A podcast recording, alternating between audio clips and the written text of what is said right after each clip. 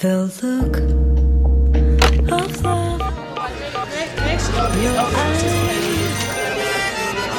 your smile.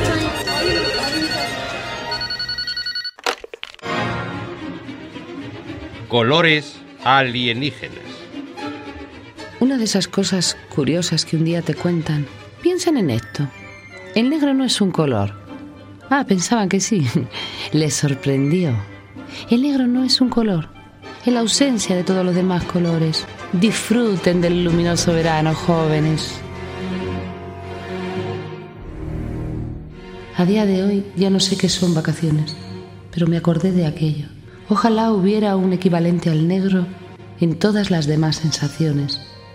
Negro al tacto, negro al olfato, negro al gusto, negro al oído. Capítulo primero. Sonidos alienígenas. Ujú.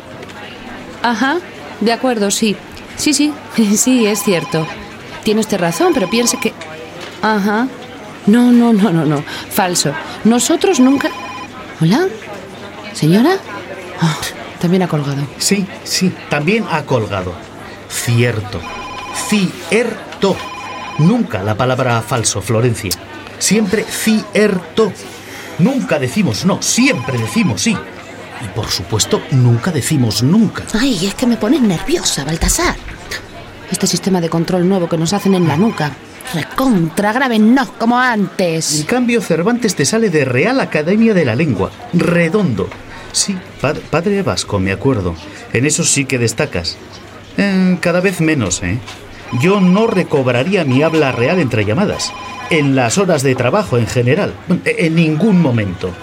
Últimamente las voces sin acento exótico están cada vez más dispuestas a trabajar con nosotros, aunque seamos lo peor.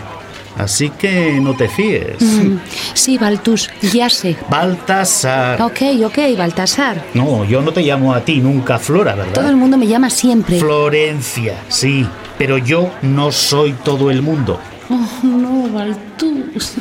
En absoluto sos todo el mundo. Estoy totalmente de acuerdo con lo que me dicen esos pobres ancianos.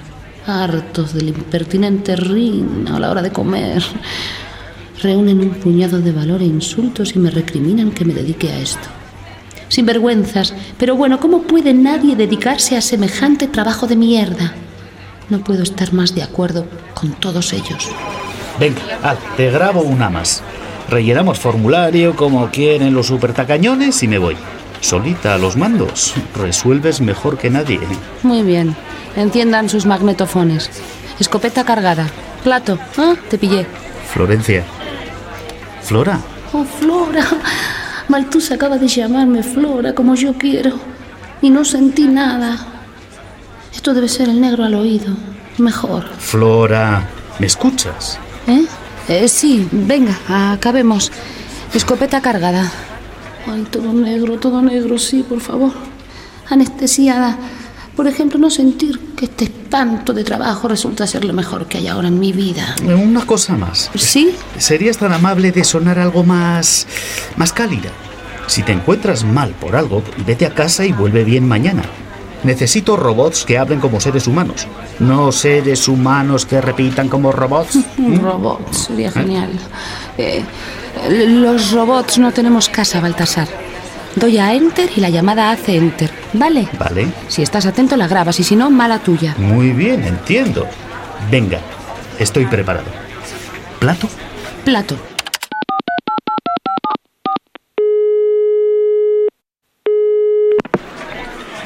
Dígame, Buenas tardes, caballero. Mi nombre es Gloria. ¿Con quién tengo el gusto de hablar? mi nombre es Antón. Ya estamos con la matraca. Matraca ninguna, hombre. Todo lo contrario. Escuche. Ah, ese do huele a caramelo frío con azul celeste. Seguramente se ha dado cuenta usted de lo deprisa que avanzan las telecomunicaciones. Y Vivaldi. Vivaldi, no, Vivaldi es puñados de hierba. Y la sí es sin tilde creo que fucsia. Hoy adquirimos un dispositivo último modelo y en dos días ya está anticuado, ¿verdad? Señorita, por favor, calle esa voz. Nieve sucia.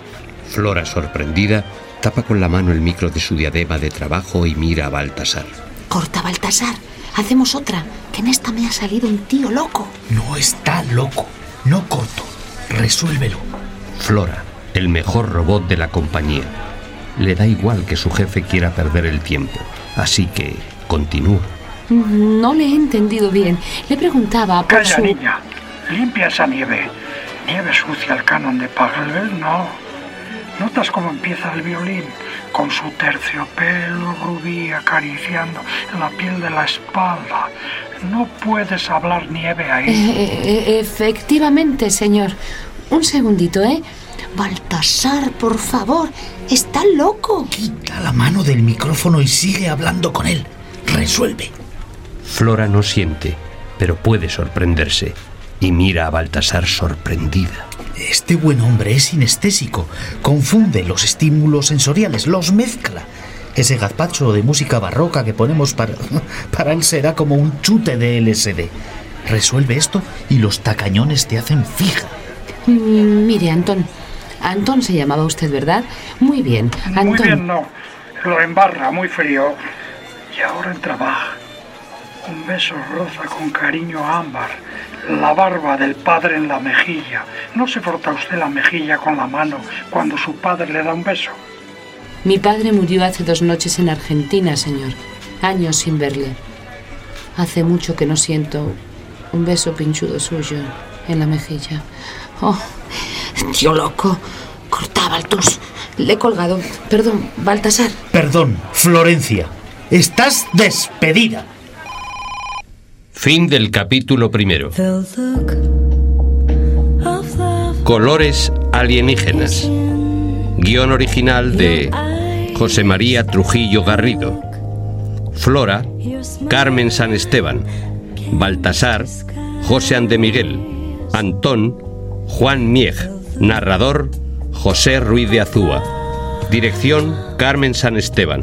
Ayudante de dirección, Enrique Loyola. Música, Jimmy Vidaurreta. Sonido, Pachi Meave e Iñaki Olaciregui.